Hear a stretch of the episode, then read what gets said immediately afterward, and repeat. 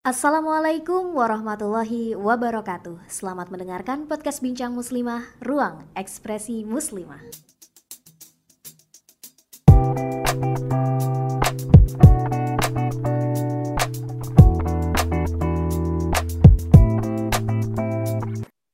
Assalamualaikum warahmatullahi wabarakatuh. Hai sahabat Bincang Muslimah, Ketemu lagi di segmen Bincangku Bincangmu, tapi kali ini bukan dengan kakak Unaisa Rahmat, tapi dengan kakak Neneng Malviro.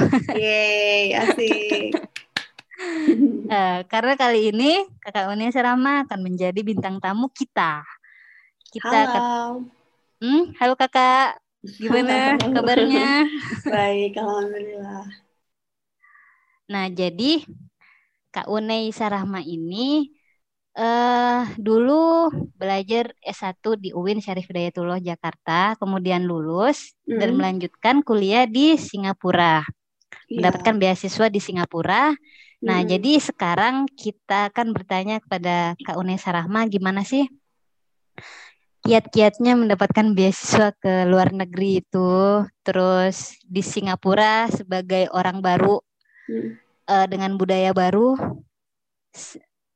ada kendala nggak sih selama menjalani hari-hari dengan bahasa yang lain pastikan bahasa pengantarnya gitu. Hmm. gimana kak? Gimana uh, yang pertama gimana caranya mendapatkan beasiswa ke Singapura? Sebenarnya gimana ya kak? Aku juga uh, ya mungkin ini juga berkat doa gitu kan dari uh, orang tua aku gitu. Dan juga berkat bantuan dari teman-teman uh, pas lagi masih di Visip UIN Jakarta sih jadi sebenarnya dari dulu tuh emang aku pengen banget kuliah ke luar negeri gitu ya. Nggak tahu kenapa mungkin. Ya untuk um, membuka cakrawala ya, ya semua orang pengen. semua orang pengen jadi kayak pengen dapat pengalaman baru gitu sih dulu tuh.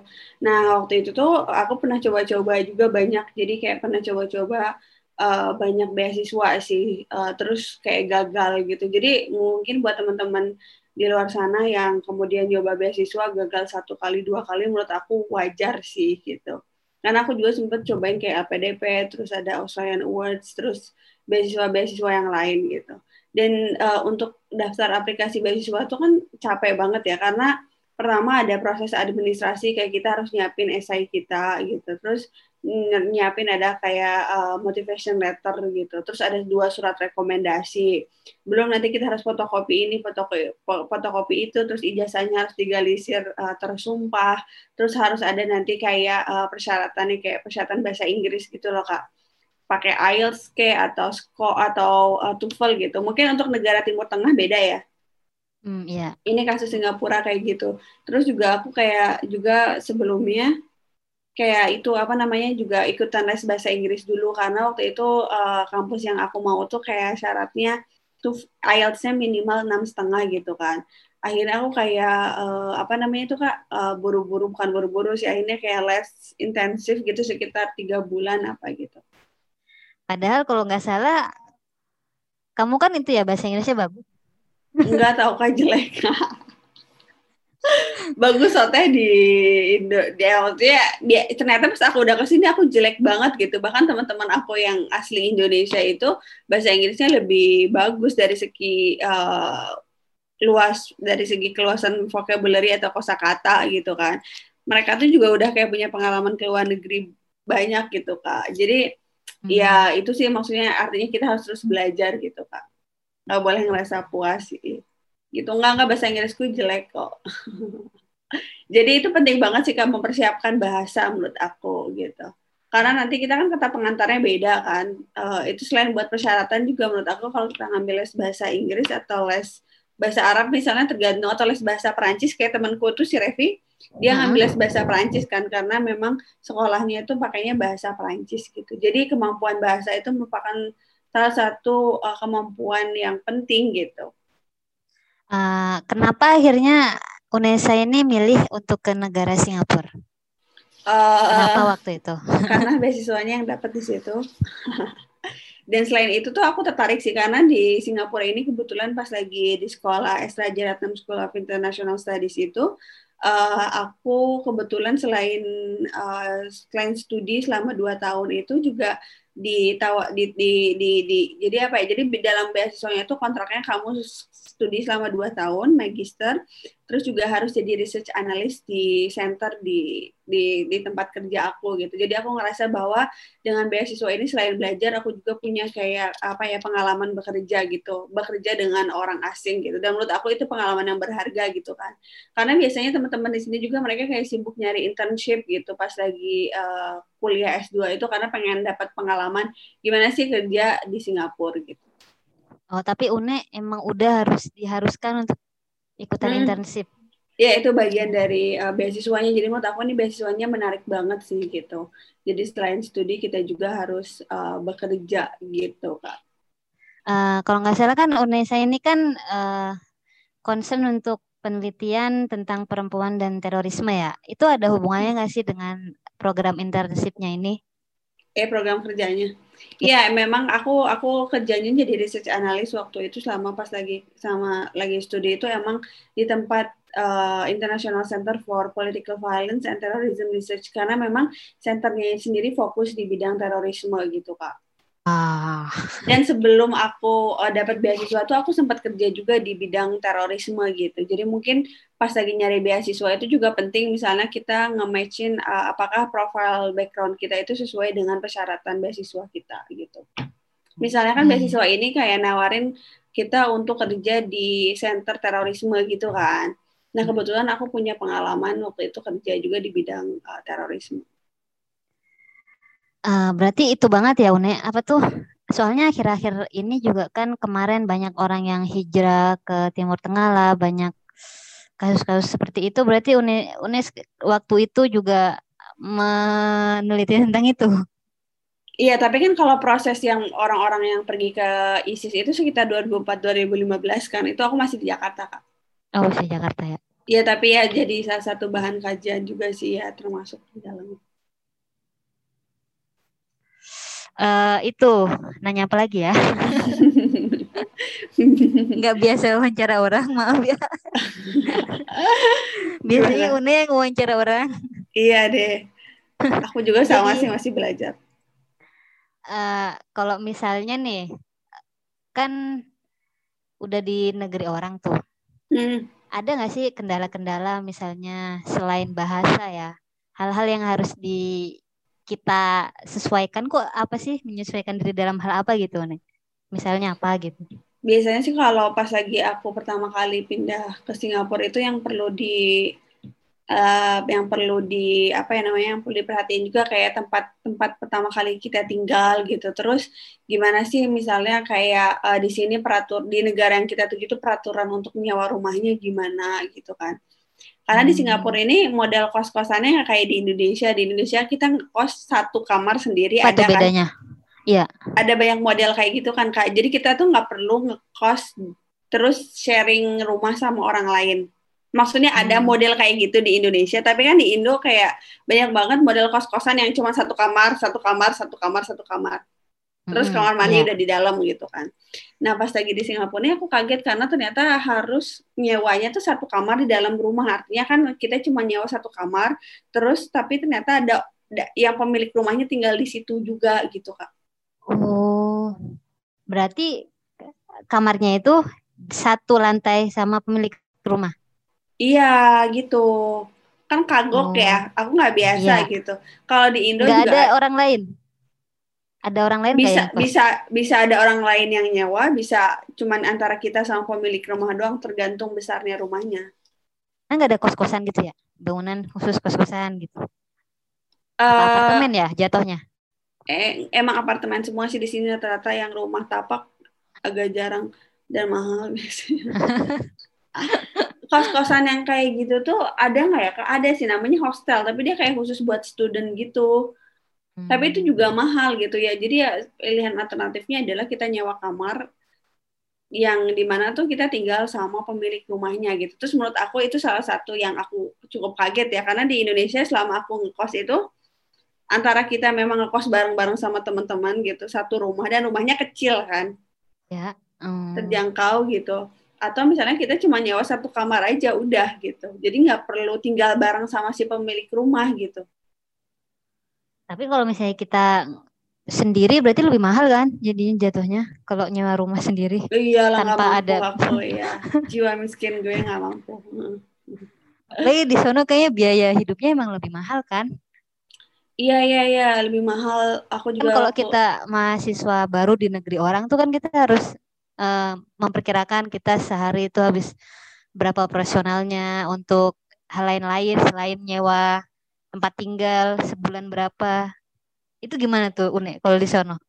Iya bener Kak, dulu tuh aku sempat kayak selalu kayak eh, misalnya kayak ini berapa ya di rupiah, ini berapa di rupiah awal-awal awal-awal datang ke Singapura tuh kayak ih gila mahal banget, masa cuma makan kayak gini doang tiga puluh ribu gitu, kayak makan di kantin kampus gitu tiga puluh ribu gitu.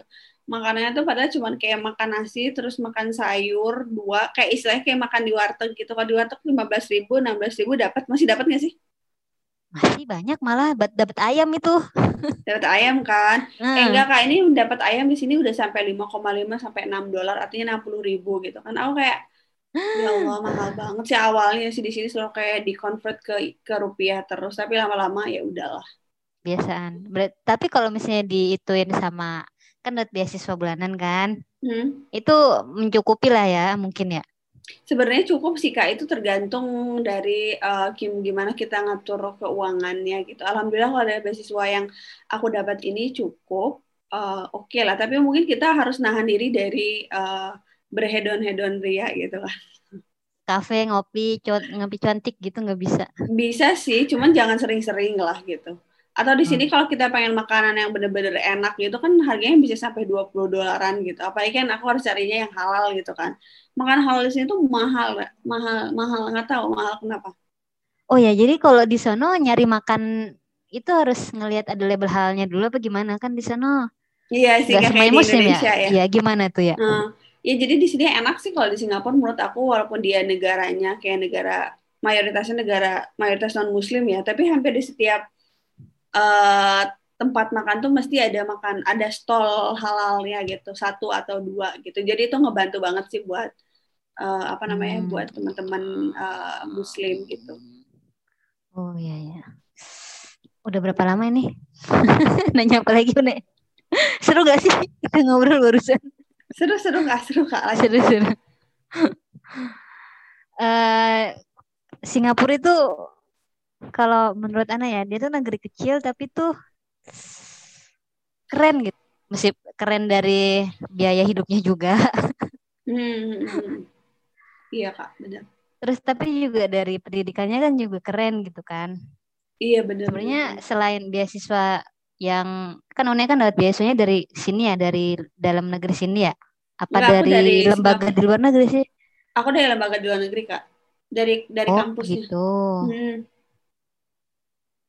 Berarti pas lagi apply itu gimana? Di apa apply apply dulu baru eh, wawancara ke luar negeri apa ada wawancaranya di sini? eh wawancaranya biasanya nanti bisa lihat kayak lewat video call gitu kak. Oh, Hmm. wawancaranya video call. Iya, terus juga kan nanti dilihat dari esai kita sama pengalaman kerja, bukan pengalaman kerja sih kayak pengalaman apa kan kita kayak harus nyantumin eh, resume kita gitu kan. Nanti kan ada kayak eh, pengalaman kamu apa aja gitu. Terus nanti dari surat rekomendasi juga sih itu juga cukup penting sih kak. Sama kok prosesnya. Kayaknya LPDP malah lebih ribet deh. Iya, dulu ya pernah gitu pengen Kakak ikutan LPDP? Tapi ngelihat syarat-syaratnya kan banyak jadi malas duluan ya. Hah? Syarat-syaratnya kan banyak jadi Hmm. malas duluan.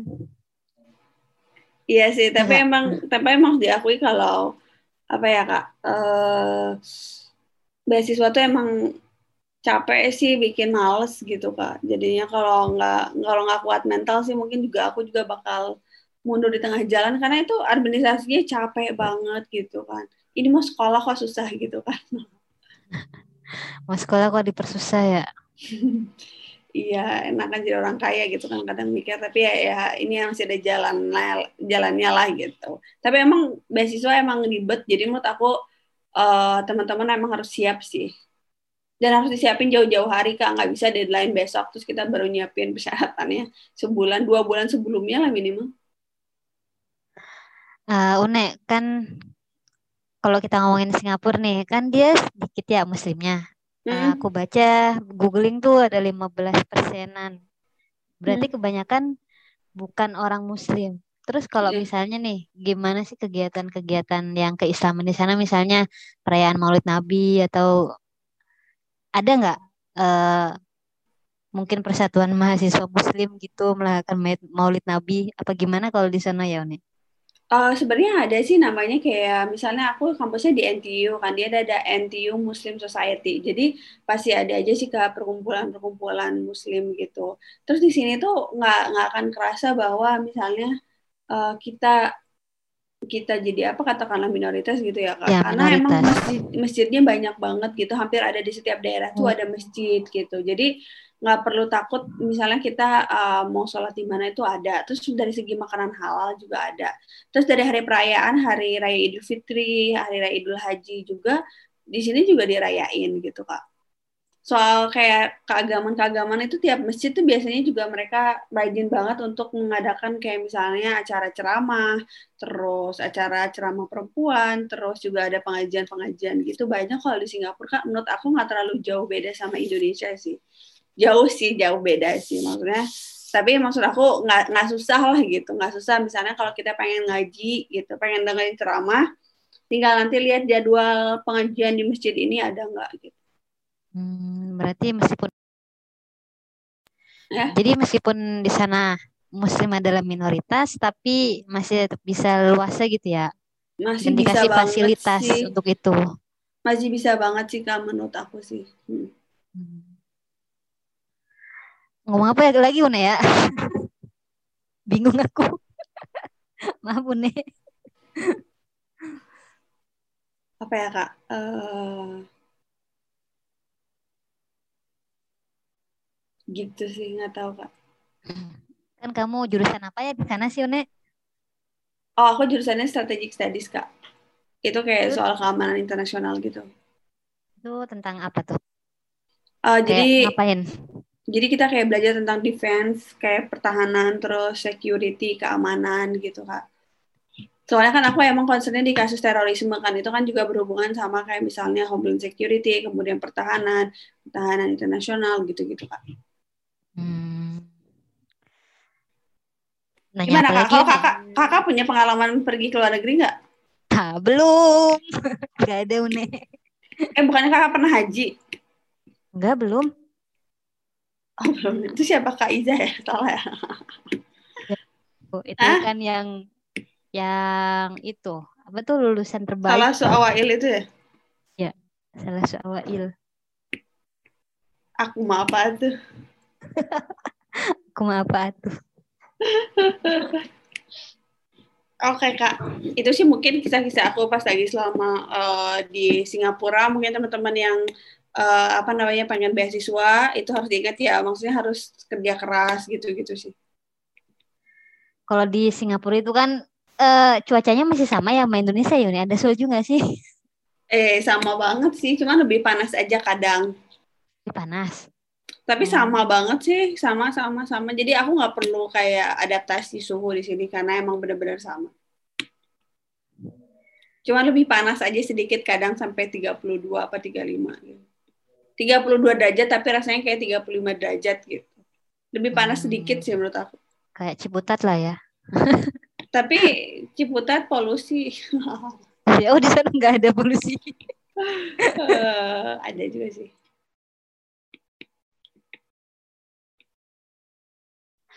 Eh, hal-hal yang menarik sama kuliah atau hal-hal yang nggak enak selama kuliah Hal yang gak enak sama kuliah itu yang aku rasain itu apa ya kak? Mungkin aku tuh ngerasa bahwa aku eh, ini bukannya aku ngejelekin institusi S1 gue ya. Hmm. Tapi aku ngerasa kayak apa ya kak? Jadi tuh jauh gitu loh kak, jauh gitu misalnya dari dari segi eh, kualitasnya gitu. Aku ngerasa bahwa kualitas kayak penelitian apalagi kan aku pengen fokus di dunia akademik gitu kan. Aku ngerasa bahwa fokus penelitian eh, apa kemampuan untuk meneliti itu kayak pas lagi S1 tuh kayak kurang serius gitu, kayak kurang digenjot gitu loh. Cara penulisan walaupun ya kita nulis makalah beratus-ratus gitu ya dari semester Hmm. satu gitu kan. tapi menurut aku aku nggak tahu aku selalu ngerasa kayak kurang nggak ya kalau dibandingin sama teman-teman yang lain tuh kayak kurang terus gitu terus dari segi teori segi apa gitu pokoknya aku selalu kurang terus dari segi bahasa gitu. Jadi intinya aku ngerasa kayak aku selalu ngerasa kurang gitu kalau dibandingin sama teman-teman yang ada di sini di sini. Itu bagus sih kan? Artinya kita mau terus belajar ya kak. Cuman hmm. jadi sedih aja kayak kok yang lain kayak udah bagus sih nulis bahasa Inggrisnya gitu. Terus gue kayak yang masih aduh sedih. Oh, berarti kita emang harus banyak mengejar kekurangan ya iya itu sih kak yang harus itu. Jadi kita kayak pas belajar di sini itu aku kayak ya harus belajar lebih rajin baca lebih rajin gitu. Ya ya ya begitu ya mungkin ya teman-teman. Iya. Thank you kan Neneng buat nge-host acara bincangku bincangmu. Makasih Une udah bersharing sama kita tentang beasiswa di Singapura, gimana caranya dapat beasiswa, gimana belajar di sana, suka duka dan lain-lain. Siap. Oke. Okay. Okay. Uh, eh, dadah, selamat berjumpa lagi. Assalamualaikum warahmatullahi wabarakatuh. Waalaikumsalam warahmatullahi wabarakatuh.